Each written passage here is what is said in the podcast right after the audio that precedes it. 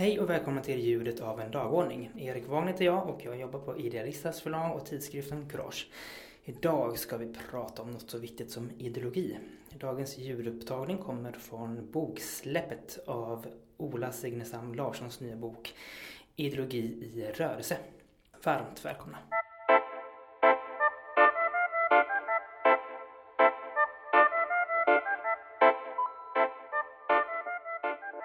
Varmt välkomna hit! Vad roligt att det är så många som har kommit hit. Det finns eh, en stol där som är inte tagen och så finns det en stol där som inte är tagen. Eh, så ni jättegärna får flytta er fram och om det, ni får vinka om ni behöver fler stolar så försöker vi lösa det. Eh, välkomna till det här eh, frukostsamtalet. Erik Wagner heter jag, jobbar på Idealistas eh, bokförlag. Det här är ju en träff inom den serien som vi kallar för På dagordningen där vi lyfter olika frågor som vi tycker borde finnas på ideella organisationers dagordningar. Och idag ska vi prata om ideologi och det hoppas jag ju definitivt att det är en levande fråga i era olika styrelserum eller arbetsrum eller beroende på vilka funktioner ni har i era organisationer. Det är ju en liten speciell dag idag för vi ska inte bara ha ett seminarium utan vi ska även fira en ny bok eh, som ihop med alla er. Och då har vi några huvudpersoner som jag tänkte mest i förbifart, eller inte förbifart, jag tänkte inledningsvis eh, presentera. Eh, och då kan ju Ola Seinestam Larsson ställa sig upp. Författaren, så här ser han ut. Eh, Ola forskar kring ideella organisationer och civilsamhällsfrågor vid, nu ska jag se så att jag säger rätt, Ersta Sköndal Bräcke högskola och vid SCORE som är ett samarbete mellan Handelshögskolan och Stockholms universitet. Eh, och är ju extra roligt för oss på Idealistas för han är ju också den första författare som har skrivit två böcker hos oss. Så han har ju skrivit en bok innan om ideologier som också finns där nere för försäljning. Som han kanske kan säga några ord om. Eh, sen har vi ju två gäster som är väldigt glada över att ni har kommit hit. Det är Monica Widman Lundmark som är ju då förbundssekreterare på Studieförbundet ABF. Kan också få en applåd. Eh, och sen har vi Vida Aronsson som är förbundsordförande för studieförbundet NDV.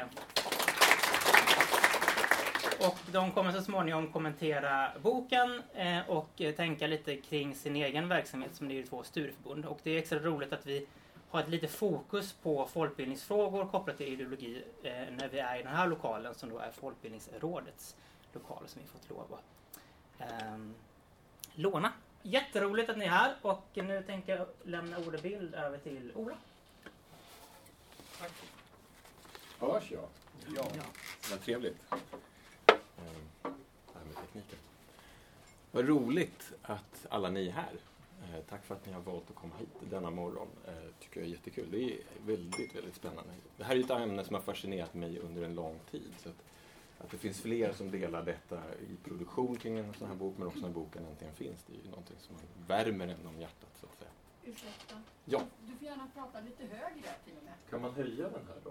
Det kanske man inte kan. Måste jag prata högre då? Ja, testa att prata högre. Ja, okej. Okay. Jag pratar högre. Jag pratar som om jag inte hade en mikrofon. Um, en av de frågorna som jag ställer mig, eller som kanske ni ställer sig, eller som en ställer sig, är väl varför skriva en bok om ideologi? Uh, och i förlängningen kan man tänka sig, varför skriva en bok överhuvudtaget? Um, och då tänkte jag svara på den frågan för min egen del. Uh, att den här boken för mig har ett antal utgångspunkter, eller ett antal saker som jag har funderat över under en lång tid och bökat och stökat med.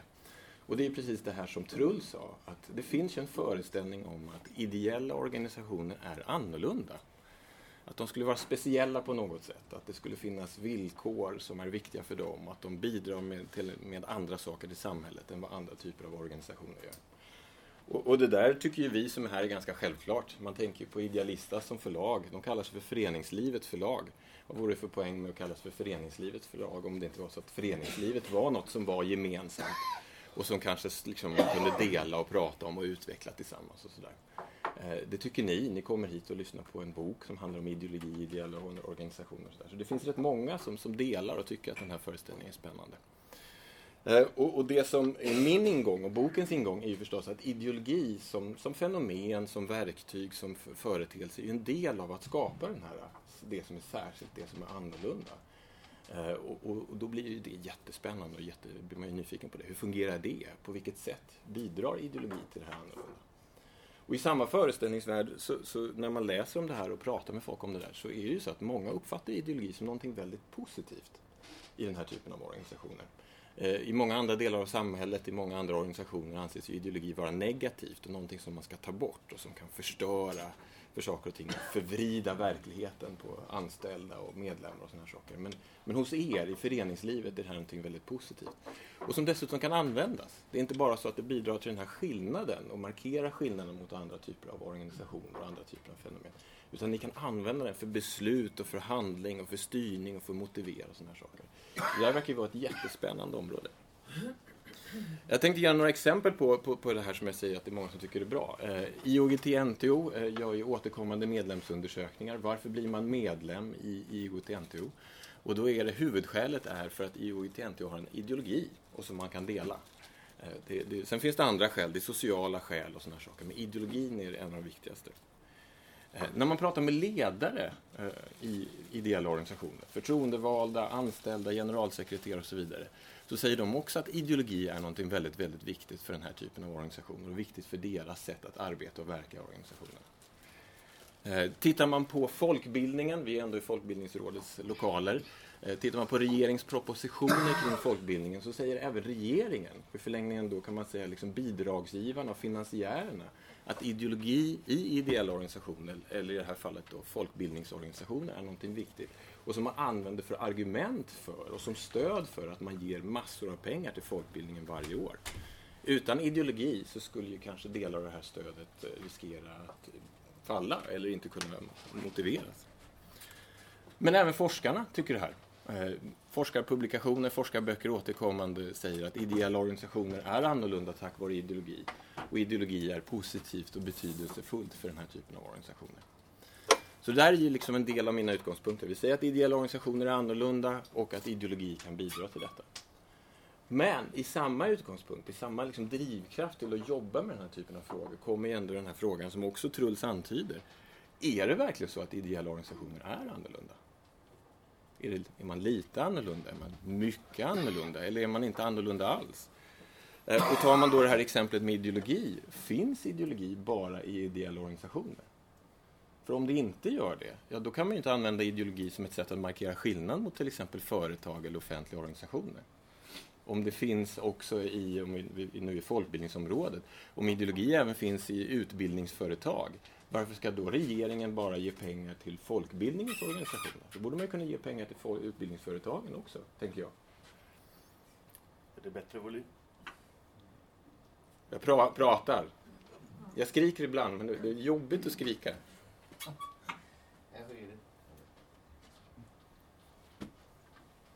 Jag pratar igen då, det säger ett, två, tre. Jag vill inte flåsa heller. Hörs det bättre nu? Det är bättre. Tack. Du kanske får... Eh, en annan fråga som har att göra med det där med annorlundaskapet så är det så att för att ideologi ska kunna bidra till att ideella organisationer är annorlunda så måste ju kanske den här annorlundaskapet, ideologi, vara stabilt över tid. Det kan ju inte vara så att ideologi började användas igår för argumentet för att ideella organisationer ska vara annorlunda utan det här fenomenet måste ha funnits över en längre tid för att bidra till det här att markera skillnaden. Och den sista eh, funderingen som jag också har är huruvida det är konsistent eh, mellanrum. Det vill säga, är det så att det här ideologi och annorlundaskapet genomsyrar hela organisationen och genomsyrar alla verksamheter i den här organisationen. För annars är det också svårt att hävda att ideella organisationer som helhet är annorlunda. Det räcker ju inte med att förbundsstyrelsen i Sensus är väldigt ideologiska om all verksamhet inte har någonting överhuvudtaget med ideologi att göra. Så det där är frågor som liksom driver mig och som jag funderar på och som jag också tror är väldigt, väldigt viktiga för många av de som verkar i ideella organisationer. Man kanske inte funderar direkt på ideologi varje dag utan man funderar nog på den mer övergripande frågan. Är vi annorlunda? Och så kan man kanske hävda att vi är annorlunda för att vi arbetar på ett annat sätt. Vi har studiecirkeln till exempel. Eller vi är annorlunda för att vi har tillgång till en viss typ av resurser som inte andra har. Det kan vara frivilligt arbete eller donationer eller att man har statsbidragsberättigad verksamhet eller något sånt där. Men övergripande frågan tror jag är någonting som flera delar. Och jag har ju valt att grotta ner mig kring det här i ideologi. Då. Det är ju liksom min grej. Um, och då har över tid blivit en mängd publikationer och böcker. Den senaste är ju den där. Men, men eh, Erik nämnde ju också att jag har skrivit en bok om forskning i ideologins tjänst som också finns där. Eh, så att, eh, över tid så har jag meckat ganska mycket med den här typen av frågan. Och försökt liksom koka ner allt det där till slut i den här sista boken. Eh, så, och då så ber ju vill Erik och jag att jag ska presentera den för er eh, och allt som finns i den här på en halvtimme och det går ju inte. Eh, det är helt omöjligt. Men däremot så tänkte jag kanske liksom göra två nedslag eh, och liksom landa någon slutsats kring vad jag har hållit på med. Och den ena har ju mycket att göra med vad, i det här arbetet med vad är ideologi och hur kan ideologi användas? Som har varit en stor del av mitt arbete och mina funderingar kring det. Så det tänkte jag prata lite om. Och sen tänkte jag prata lite om ehm, eh, också ett antal fallstudier som jag har gjort kring ideologi i ett antal olika organisatoriska sammanhang. Så så blir det och sen så landar jag i någon form av slutsats. Då.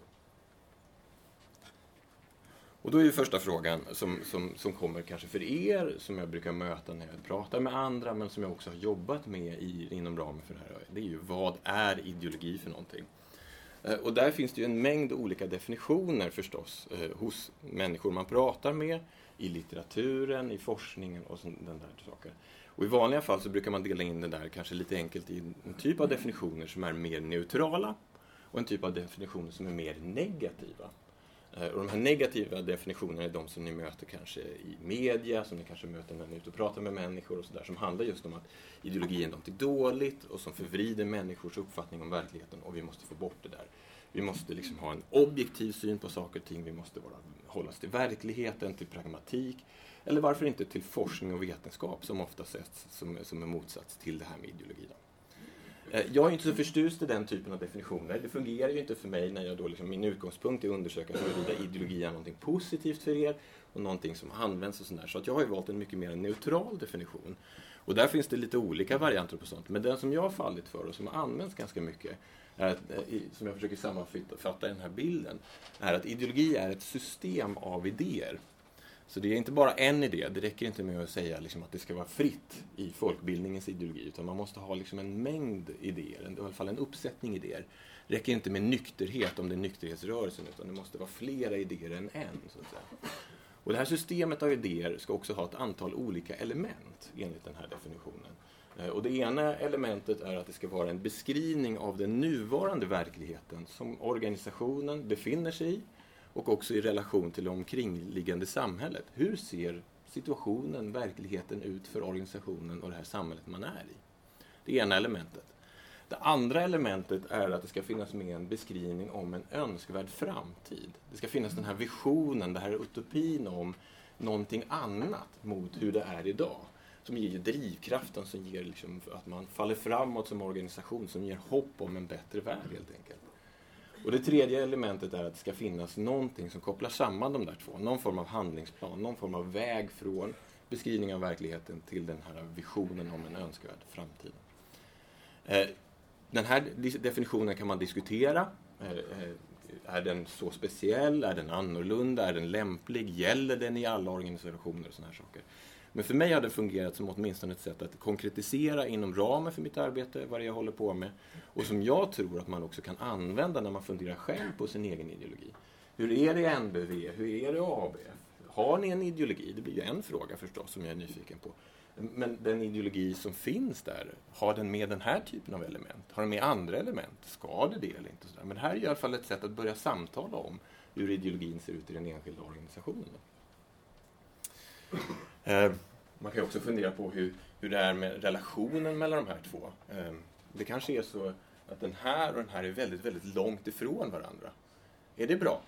Är det kanske farligt? Är det kanske omöjligt? Tänk om den här framtidsvisionen är bara så, så orealistisk så att det inte ens är någon som tror på den.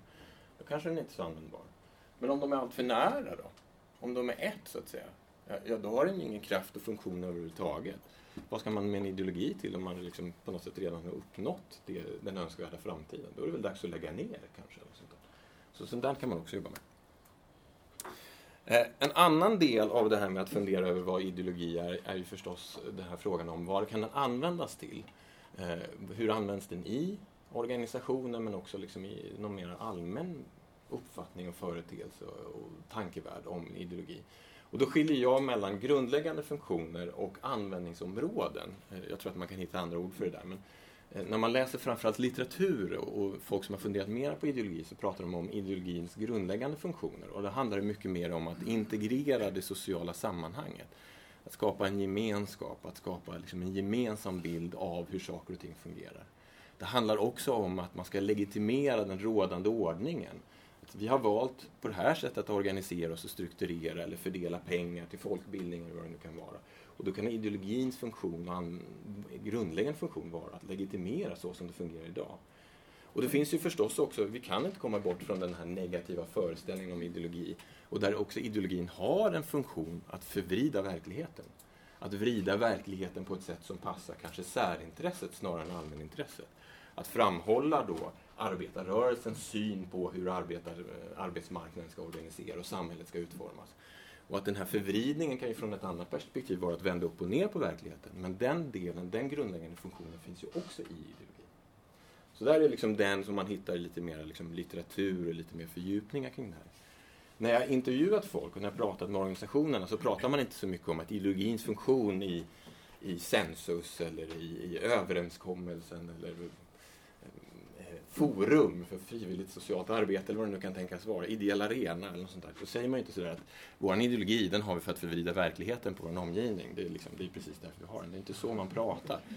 Eh, utan man brukar prata på ett annat sätt. Och, och, det man brukar prata om är mycket mer organisationsnära. Och det passar ju mig också, för det är, jag är ju organisationsforskare. Då brukar man ju ofta prata om ideologins funktion för beslut. För att fatta beslut. Att det hjälper oss att fatta beslut enklare och bättre kanske. Eh, man har ideologin till att eh, utforma aktiviteter som man gör, verksamheten som man bedriver. Eh, man kan ha ideologin för att motivera medlemmar, frivilliga, anställda att skapa ett engagemang i organisationen. Man pratar om den typen av användningsområden. Och för mig fungerar de här två grundläggande funktionerna och användningsområden väldigt väl ihop. Så att säga. Men de är lite två olika sätt att se på ideologin och hur den används. Eh, en sista del i det här arbetet med att eh, fundera över vad ideologi är och i mitt arbete kring det och som jag har tyckt var väldigt hjälp, eh, som har hjälpt mig, det är att skilja mellan starka och svaga ideologier. Det här kommer från Nils Brunsson som är professor i Uppsala på Uppsala universitet och kollega till mig på SCORE. Där han har funderat mycket över ideologiers varande organisationer, hur de kan användas. Och han gör den här distinktionen mellan starka och svaga. Där han menar att starka ideologier kännetecknas av att de är, måste jag läsa här, eh, de är konsistenta, de är avgränsade och de är komplexa. Eh, det vill säga att de hänger ihop i sitt idésystem, i sitt system av idéer mellan de olika elementen. De tar inte hand, eh, liksom, fångar inte upp hela samhället utan de är avgränsade i det område de behandlar. Och de är komplexa nog att inte utmanas av en enskilt förslag om något annat eller en enskild föreställning och sånt där, utan kan stå emot en viss argumentation. Eh, så de är ganska tydliga, de är utarbetade, de är medvetna, men de är också mer än bara en enskild idé. så att säga. Och då säger han, har man en stark ideologi i en organisation så kan de användas till att underlätta just beslut och handling. Har man en stark ideologi så behöver han, menar man, inte gå igenom en lång beslutsprocess. Därför att det räcker med om man står inför ett beslut, istället för att samla information och fundera över värderingar och utvärdera olika alternativ, så menar han att har man en stark ideologi så är alternativet vad man ska göra, vilket beslut man ska fatta, är givet redan från början. Eh, det är därmed också en väldigt bra att ha en stark ideologi för handling menar han. Därför att från tanke eller föreställning eller beslut till vilka aktiviteter man ska göra kommer gå mycket snabbare med en stark ideologi. Däremot så säger han att starka ideologier tenderar till att vara kortlivade. Eh, därför att eh, samhället förändras, organisationer förändras, det uppstår nya situationer som kommer att utmana det här starka, komplexa, konsistenta, avgränsade systemet av idéer. Och organisationer och människor kommer att bli tvungna att byta ut sina starka ideologier mot andra ideologier. Eh, så väldigt bra för handling och beslut, men kanske inte lika bra över tid, menar då Brunson. Som kontrast så ställer då Brunson det här med svaga ideologier. Eh, och så var det ideologier, då kännetecknas de att de är vaga, de är ganska enkla, de går att applicera i många sammanhang, de gäller det mesta, så att säga. Alla kan känna sig hemma i den här ideologin. Det är ingen som kommer säga så här, nej men eh, solidaritet.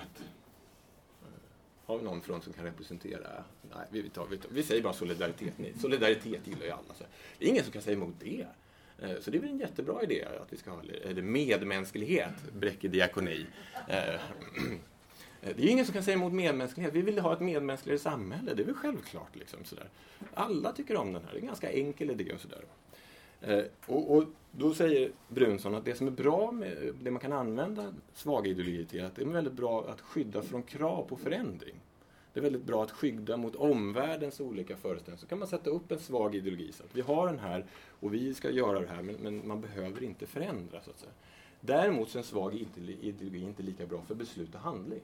Har inte lika bra, fungerar inte lika bra där. Det är svårt att ha medmänsklighet, eller solidaritet när man står inför, ska vi nu välja att, eh, att lägga ett anbud på upphandlingen av den här vårdcentralen eller det här äldreboendet. Och sånt där. Ja, vi vill ju ha ett medmänskligare samhälle. Och då- då blir det liksom ingen hjälp där. Ska vi göra eller ska vi inte göra? Det räcker inte med solidaritet eller medmänsklighet som ideologi. Och avslutningsvis så säger då Brunson att det som är bra med svaga ideologier är att de är väldigt långlivade. Så till skillnad från starka ideologier är att man kan ha de här över lång tid, att de kan då bidra till att upprätthålla den här idén om skillnad eller upprätthålla nuvarande situationen och skydda från förändringar. Men de är inte lika bra som beslutande. Okej, det var ena delen. Eh, så, som jag tänkte berätta om, eh, om utifrån min bok. Det finns mer om det här förstås i boken, om hur ledare och forskare och sådana definierar ideologi och hur man kan använda det och sådana här saker. Men, men det där är en del. En annan del, och här tänker jag bli mycket, mycket översiktligare, är ju att jag har gjort ett antal fallstudier eh, på, på det här med ideologi. Och här tänker jag nog bara näst, mest nämna dem lite och lite kort om, om eh, vad man kan hitta mera. Eh, Och bland annat så har jag då liksom gjort en studie av ledare i två stycken studieförbund och hur de resonerar kring ideologi. Eh, för att markera skillnad, men hur de an, eh, använder den och också för eh, hur, eh, hur de definierar ideologi så att säga. Eh, Och då kan man ju tänka så här, för det är för många som har varit med i en sån här bokproduktion, att Mats som sitter nere i hörnet var då generalsekreterare, rektor eller vad det kunde ha varit, men det var högsta höns anställd på Census och som då finansierade den studien. Så jag tittade på Census och på NBV. Eh, Census genomgick en stor förändringsprocess där de skulle sammanslås med ett annat studieförbund. Och min fråga var ju förstås ideologins betydelse i sammanslagningen och hur man använde ideologin för att utforma den här sammanslagningen. Eh, var intressant. Däremot, så, eller inte däremot, men i samma veva och i samtal med bland annat Mats så, så kom vi överens om att det vore intressant att göra en jämförelse. Så jämförelsen blev då med NBV som vi där ska prata om, eh, studieförbundet NBV och hur de ser på ideologi och hur de använder ideologi. Och det finns det delar av i boken. Eh, jag har också i den vevan så skrev jag också en del om folkbildning som ideologi. Eh, den här idén som styr många av folkbildningens organisationer. Eh, det här med fritt och frivilligt och studiecirklar och sådana saker. På vilket sätt används det i organisationerna och hur är det en ideologi och den typen av frågor. Jag har också ägnat ganska mycket tid på, förstås, som forskare så måste jag ha koll på vad andra forskare skriver om ideologi i ideella organisationer. Så det har jag ju liksom fått lära mig och ta del av. Vad har de kommit fram till och hur kan jag bidra till forskningen? Men jag har också gjort forskningen till ett eget studieobjekt och som finns med i boken. När börjar forskarna själva prata om ideologi som någonting som markerar skillnad och som är annorlunda för ideella organisationer? Eh, det har ju att göra med det här med att ideologi är det stabilt över tid. Har forskarna alltid sagt att ideologi och ideella organisationer hör ihop? Eller är det här någonting som har uppstått senare? Och vad betyder det? Är en typ av fråga jag jobbar med. Den andra frågan är ju förstås då varifrån, om det nu som jag kommer fram till i boken, att forskarna har inte alltid pratat om ideologi. Så, så blir frågan, när börjar de prata om det och varifrån kommer den här föreställningen? Alltså vem är det som lanserar idén om att ideologi, ideella organisationer är annorlunda? Väl en, men i förlängningen att ideologi skulle bidra till att göra ideella organisationer annorlunda. Eh, och, och det jag hittar då, tycker jag, och argumenterar för, och man kan diskutera, det är att det är en folkhögskolelärare som heter Lars Svedberg, som hette han, tyvärr har gått bort. Han var också, eh, har suttit i styrelsen för JOGT-NTO, han har varit rektor på Tollare folkhögskola och sådär. Så han var liksom en, en riktig folkrörelseräv kan man säga. Och jag menar i boken att det var han som fick forskarna att börja prata om ideologi och ideella organisationer. Och det är ju jättekul. Här har vi en aktör, ni påverkar forskarna som sedan bidrar till att upprätthålla idén om att ni är annorlunda och sådana saker. Eh, jag har också gått igenom eh, ett antal folkbildningspropositioner. Eh, jag försöker hålla folkbildningstråden levande här. Där jag tittar på vad säger regeringen i sina propositioner om folkbildning när det gäller ideologi och folkbildningen och på vilket sätt är ideologi viktigt. Eh, och där menar jag i den analysen att för det är jätteviktigt för andra aktörer att ni ett, är annorlunda och två, att ni är ideologiska. Eh, regeringen i sina folkbildningspropositioner där de argumenterar för stödet till folkbildningen, som är ganska omfattande, är beroende av att ni har ideologier och är beroende av att ni är annorlunda. Det blir svårt för dem, menar jag, på, att ge er så mycket pengar och inte till till exempel utbildningsföretag om det inte är så att ni markerar denna annorlundaskap. Då. Så att även andra vill att ni ska vara annorlunda, vill att ni ska ha ideologi. Och inför den här boken så har jag ägnat mycket tid på att titta på då ideologi och idéer i nykterhetsrörelsen. Jag har gjort en poäng av att titta på när börjar nykterhetsrörelsen, där man pratar om ett antal olika organisationer, inklusive MBV då. Eh, när börjar man prata om det här med ideologi i nykterhetsrörelsen? Har man alltid gjort det? Sen liksom 1800-talets mitt när man uppstår? Eller är det här någonting som sker senare? Den typ av frågor jag har jobbat med. Eh, men också vilka idéer, att försöka komma in i det här systemet av idéer. Vilka idéer är det som utformar nykterhetsrörelsens ideologi? Och har de varit stabila över tid? Har de varit konsistenta mellan rum? Eller är det så att det finns någon instabilitet där och någon inkonsistens? Och vad betyder det för den här övergripande funderingen och utgångspunkten som jag har om att ideella, ideella organisationer är annorlunda, att det är viktigt och positivt? Och, så där. och då börjar jag närma mig slutet. Det passar ganska bra, eller hur? Mm, Så. Eh, och, och då har jag liksom de här eh, några bara snabba liksom, resultat. Och en är ju förstås då liksom bokens titel, Ideologi i rörelse. Eh, och vad menar vi med det? Eller vad menar jag med det då? Jo, men en, en sak som jag kommer fram till är att jag tycker nog att ideologi är en instabil, inkonsistent likhet som är ganska långlivad. Alltså den här föreställningen om att ideella organisationer är annorlunda med hjälp av, tack vare ideologi, verkar vara en långlivad föreställning men som är svårt att säga, eh, baserat på det material jag har jobbat med, att det skulle vara någonting som bara finns i ideella organisationer. Forskarna ju, säger ju att det finns i företag, till exempel, att ideologi är någonting som genomsyrar alla organisationer. Eh, möjligtvis kanske är det så att ideella organisationer genomsyras mer, Eh, men, men det är en annan fråga, men det finns på andra ställen. Eh, jag tycker också att det är svårt att hävda att det är så att ideologi som föreställning har, har varit stabilt över tid. Att det är det som har markerat skillnaden, att man alltid har pratat om ideologi som någonting viktigt. Jag skulle säga i boken att det har, eh, framförallt framför allt så är det under 70-talet som den här föreställningen, 70-80-talet, som föreställningen om ideologi uppträder och som, som är väldigt omfattande och som sen lever kvar därefter. Men tittar man på perioder innan dess så är inte ideologi alls på samma sätt. Och exempelvis i den här studien av Census och MBV i förändringsprocesser och liknande så är det ju inte så att hela, alla i organisationen och alla verksamheter genomsyras av ideologin på samma sätt. Utan det är uppenbart att man har olika föreställningar, att det genomsyrar verksamheten på olika sätt och i olika grad. Och såna här saker. Så slutsatsen blir att, att det blir liksom en föreställning eh, men som bygger på en instabilitet och en inkonsistens och som är någonting som också finns i andra typer av organisationer. Eh, en annat resultat är att jag tycker att de här ideologierna är mer svaga än vad de är starka. Går vi tillbaka till det här Brunsson-resonemanget, att det används mycket mera för att skydda på krav på förändring, att skydda från förändring, så att säga omvärlden har krav på att man, ideella organisationer ska ändra sig, än att man använder ideologi för beslut och för handling till exempel. Jag tycker också att mycket av de här ideologierna som jag studerar kännetecknas av att de är ganska vaga, enkla och alla tycker om dem. Snarare att de är de här konsistenta, avgränsade och komplexa som några få delar men som kan fungera som, som en väldigt liksom, underlag och som användningsområde för, för beslut och handling. Då. Och, och då blir ju frågan så här som, som blir till slut, ja, men okej, okay, utgångspunkten var annorlundaskapet, att det är viktigt med annorlundaskapet av många olika skäl och sådana här saker. Hur används ideologi för det där och vilka är det som, som jobbar med det där? Och då blir det på något sätt som att ja, men den här föreställningen upprätthålls ju, tror jag, av ett antal olika aktörer för att just markera den här skillnaden. Att det är det som är dess huvudsyfte.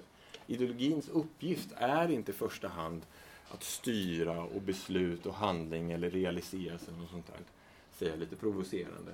Utan ideologins uppgift är snarare liksom att, att markera skillnaden mot andra typer av verksamheter, företag eller organisationer, för att bevara de villkor som ni har lyckats tillskansa er i samhället i stort, för att säkerställa att bidragsgivningen till er och för pengar och resurser fortsätter att flöda på det sätt som det har gjort tidigare. Den typen av uppgifter har ideologin. Men det blir ju liksom indirekta uppgifter, det blir inte direkta uppgifter. Utan det blir uppgifter som att markera den här skillnaden. Det är det som är det viktiga. Att skydda på krav från förändring. Och då kan man ju tänka sig att när man kommer till slutklämmen av det här då, liksom, och man kommer till, liksom, det brukar finnas i boken, det brukar finnas önskemål från en förläggare och en redaktör så här. Men du måste liksom ge oss tips på vad vi ska göra av det här. Som du, du har jobbat med det här jättelänge, vi vill liksom ha rekommendationer, vi vill ha några principer och sådär. Då kan man ju tänka sig att allt det här skulle liksom landa i att ni måste, nu, nu måste ni skärpa er.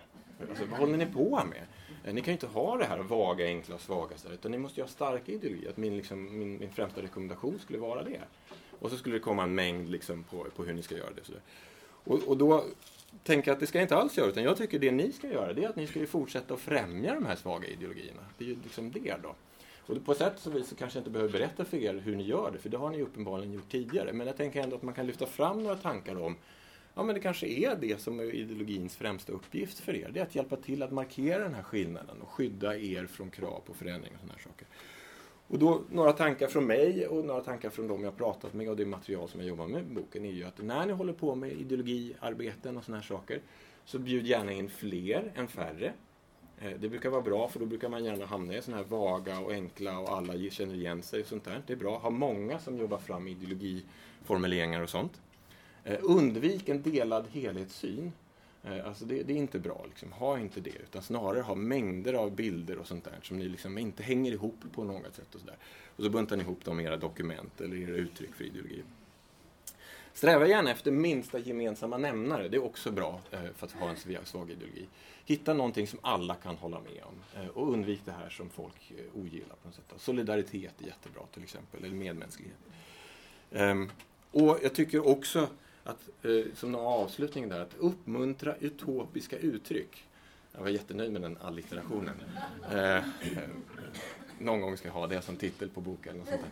Eh, där jag, tänker att, jag, jag pratade ju om den här skillnaden mellan de olika elementen och där är det jättebra att ha en ideologi som har en enorm utopi som är så långt bort så att det är helt omöjligt att tänka sig, utan som är i framtiden och, och sådär. Det, det, är jättebra för att ha en svag ideologi, för det kommer inte leda till något beslut eller någon handling alls. Utan det kommer fungera utmärkt för att markera den här skillnaden. Och där tänkte jag stanna. Eh, vi har ju, Erik bad mig att langa ett antal frågor till er. Eh, Erik bad mig också att langa ett par frågor till Monica och till Vidar.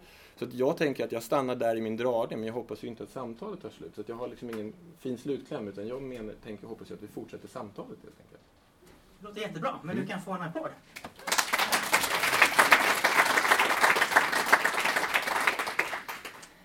Tack Ola, och du kommer ju definitivt tillbaka sen. Eh, jag har precis när jag suttit och lyssnat på dig och funderat på vad vi ska utsätta Monica och Vida för.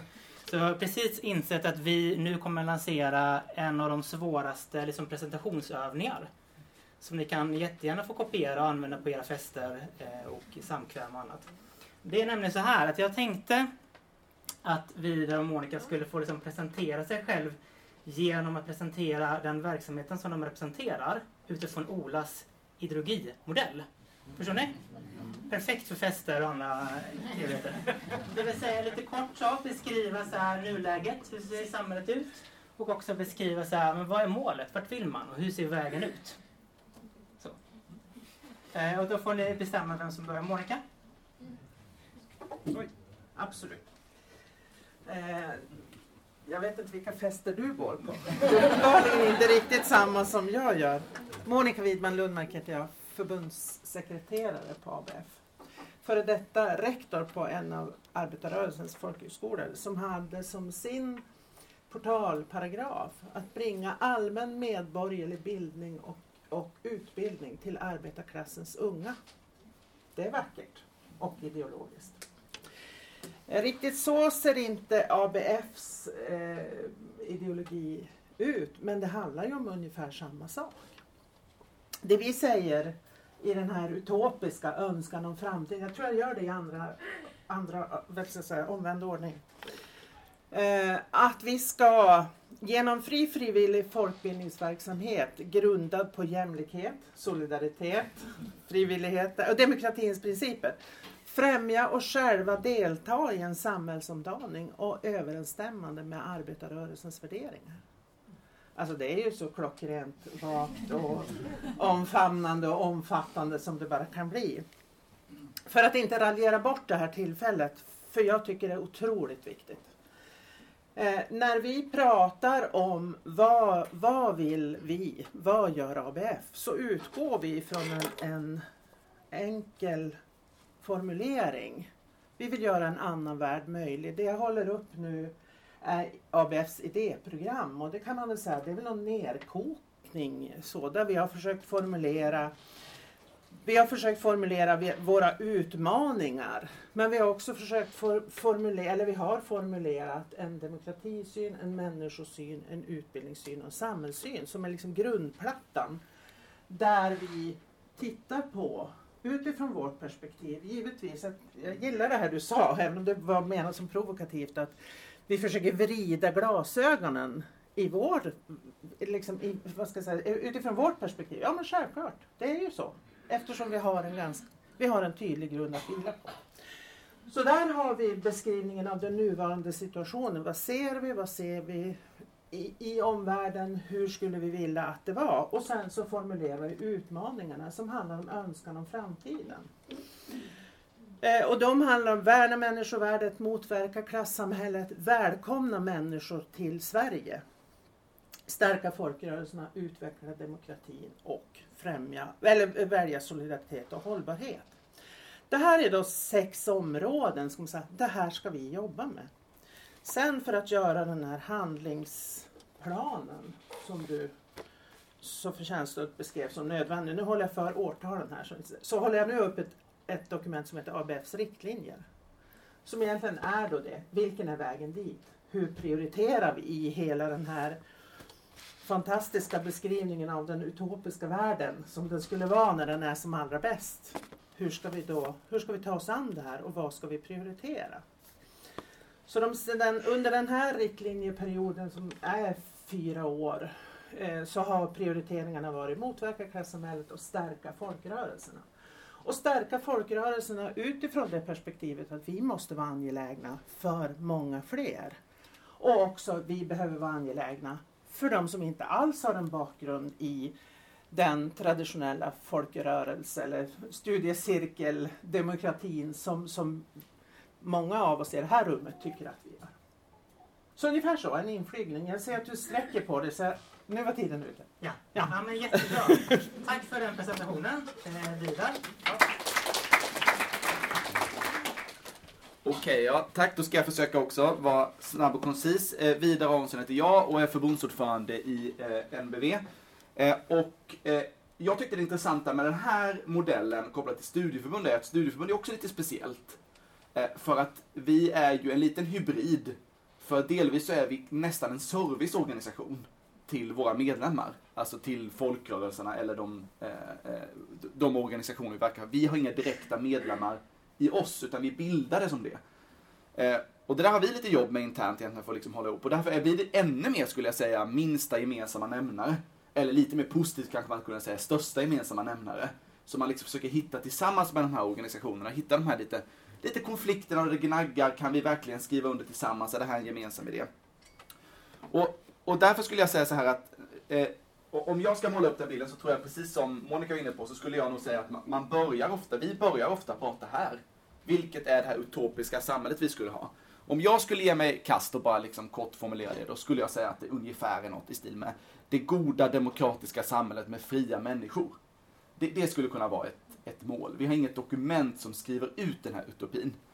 Eh, och i den liksom hierarkin skulle vi säga det och skulle vi säga att en ofrihet som håller människor tillbaka, det är eh, droger. Och nykterhet är eh, en, eh, en förutsättning för det här goda demokratiska samhället i vår eh, struktur.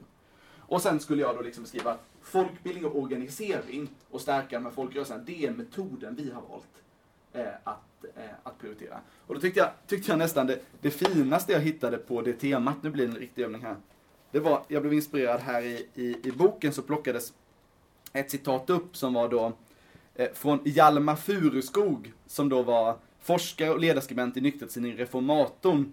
Eh, och han skrev en bok då, En stormig tid 1949. Och det är ett citat som plockas ut där som jag tycker skildrar just den här resan fantastiskt fint när det är som bäst. Då skriver han så här.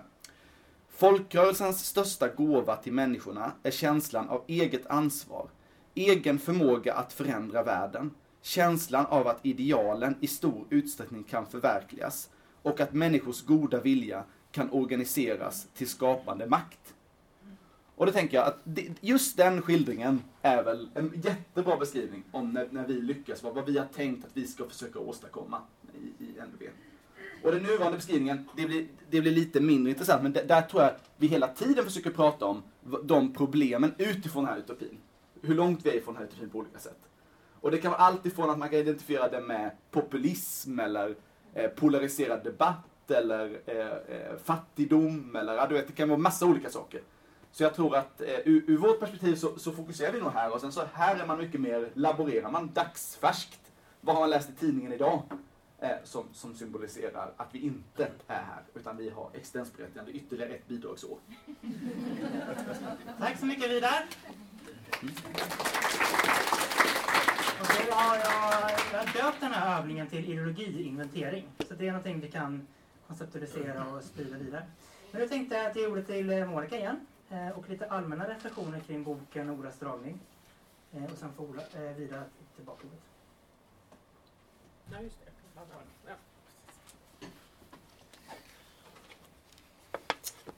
Eh, jag tänker så här, eller jag tänker, tänkte många saker när jag läste och, så sa du själv, en bok för nördar. Och jag tänker att utmaningen blir ju, hur blir den här nördkunskapen tillgänglig? Min bild av folkrörelser, om vi nu kallar ideella organisationer för folkrörelser, vilket vi är, eh, absolut, så är det ju precis som Bengt Göransson har fått det här citatet, P.O. Enquist lär ha sagt det, men, men om vi inte är en rörelse i människors hjärtan, om det inte är en idé som bärs av människors hjärtan, då dör idén om folkrörelsen.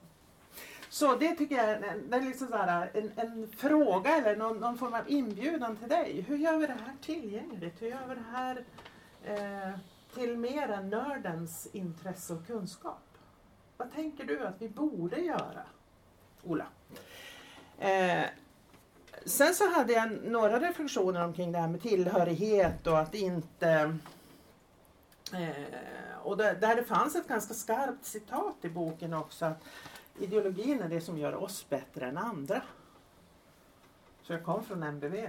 Så, eh, vi är faktiskt lite bättre än, än alla andra och därför så har vi fått den här medlemsorganisationen. Det är ju intressant. Hur förhåller vi oss? Alltså när vi då när vi i våra organisationer internt resonerar om, i vårt fall då, vårt idéprogram.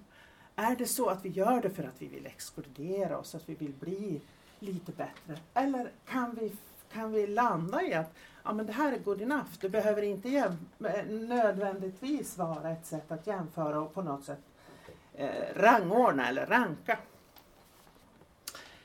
Eh, den tredje reflektionen som jag hade och det lyfter du också upp, eh, delvis i alla fall.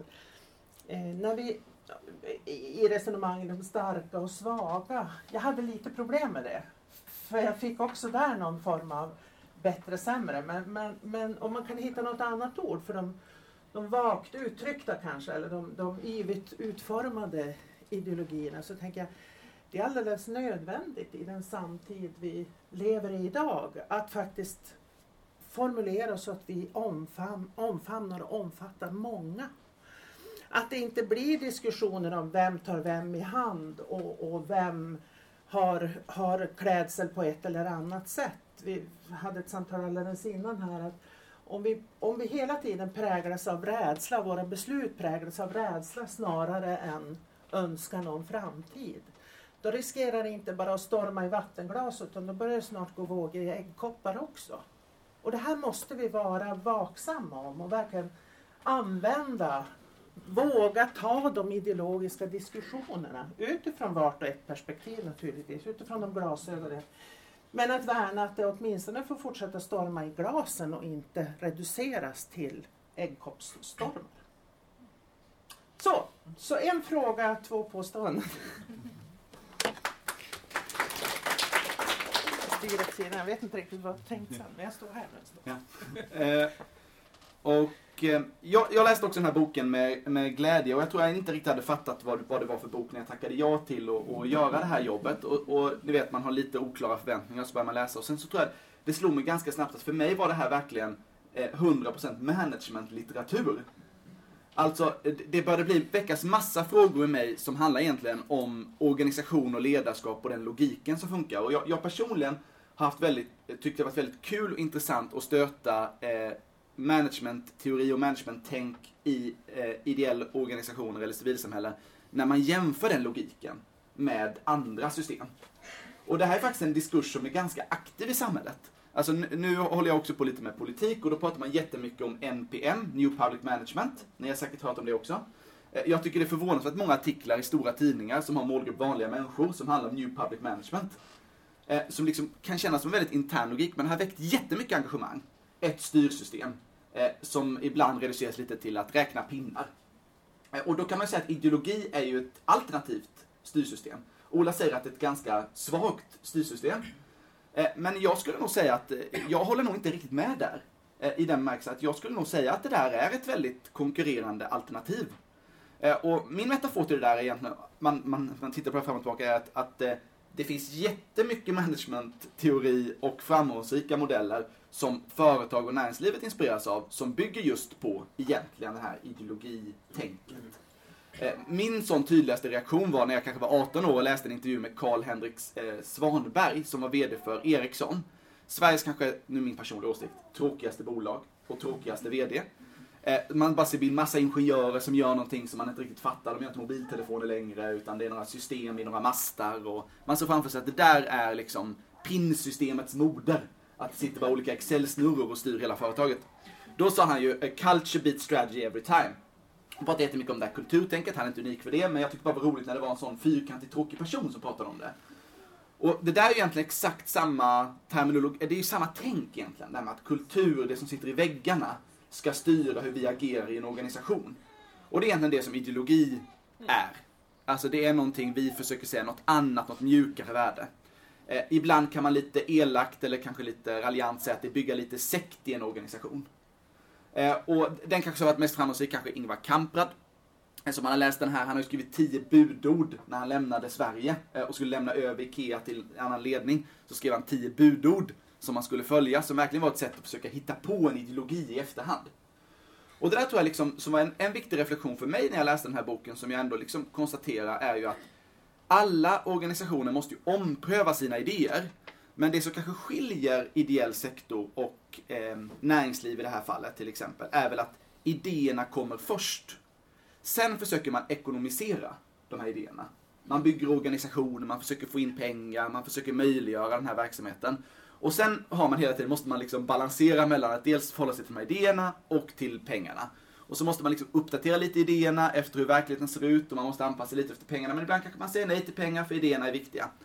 Medan företag och näringsliv kanske i större utsträckning börjar ju med ekonomiseringen. Alltså det måste vara en lönsam affärsmodell. Sen om man bara börjar prata en massa idéer och värderingar så kan inte företagen liksom överleva bara på de här värderingarna. Utan man måste tjäna pengar i grunden. Och där tror jag liksom många egentligen känner igen sig i verkligheten. Jag har träffat flera som har gått från näringslivet till ideell sektor som tycker det är väldigt skönt när man läser personal-kick-off och ska prata vilka värderingar gäller här. Tycker de det är så skönt att det känns som att här behöver man inte bara prata en massa bullshit. För de här idéerna vi pratar om, de faktiskt, det är ju inget vi bara hittat på i efterhand. Utan det är det som har koppling till, till verksamheten. Så att jag håller nog inte riktigt med på ett sätt i, i den här beskrivningen av att idéerna skulle vara vaga. Och jag tycker också det bekräftas flera ställen att folk använder det lite som compliance. Alltså det exemplet är framför fallstudien med, med ledarna i studieförbundet som säger att jo, vi vet vad vi får göra och vad vi inte får göra även om det inte står på ett papper. För det kopplas tillbaka lite till den här ideologin. Sen är inte det där spikhårt, det finns liksom inte långa listor och det är såklart det, det omtolkas lite grann. Men sen var bara en annan reflektion var att jag tänkte rätt mycket på den här krocken mellan ideologi och idébildning och hur det tolkas. Ett konkret exempel jag tänkte på var min UNF-förening när jag var aktiv och var 15 år, Ungdomens nykterhetsförbund. Det var ju väldigt så här, idédriven eh, verksamhet. Vi höll på att förlora verksamhetsstöd från kommunen för att vi saknade, vi hade ingen policy eh, för alkohol.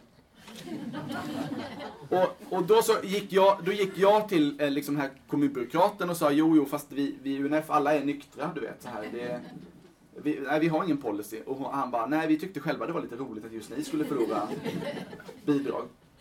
Och det här är ju ett exempel på att för oss var det ju, var det ju extremt stark styrning med den här ideologin. Det var ju liksom inget snack om saken. Men alltså jag är helt övertygad om att en del av de här idrottsföreningarna som väl skrafsade ihop en policy, det är väl oklart hur, hur mycket den där följde den här policyn. Så att jag tror att det jag tog med mig var verkligen att eh, det här arbetet med ideologier som styrsystem, jag tror nog rätt mycket på det. Eh, jag vill nog jobba mer med det. Eh, för att uppdatera. Sen, sen såklart inte klara av alla, all, alla grejer, men, men det var nog min reflektion att det här var lite managementlitteratur. Eh, och nu ska jag gå tillbaka och bli lite bättre på att ingjuta den här eh, och prata om ideologier istället för kanske kultur eller eh, andra termer. Mm. Tack! Tack så mycket.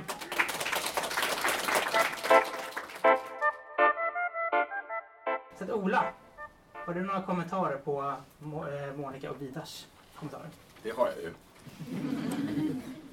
Eh, men jag ska försöka inte vara så kommentarig, men- men se om jag lyckas. Ehm, en, en sak med det här eh, är ju att jag vill ju att ni ska vara mer ideologiska. Eh, det är ju en av mina drivkrafter. Någon frågade mig för länge sedan varför håller du på med forskning om ideella organisationer?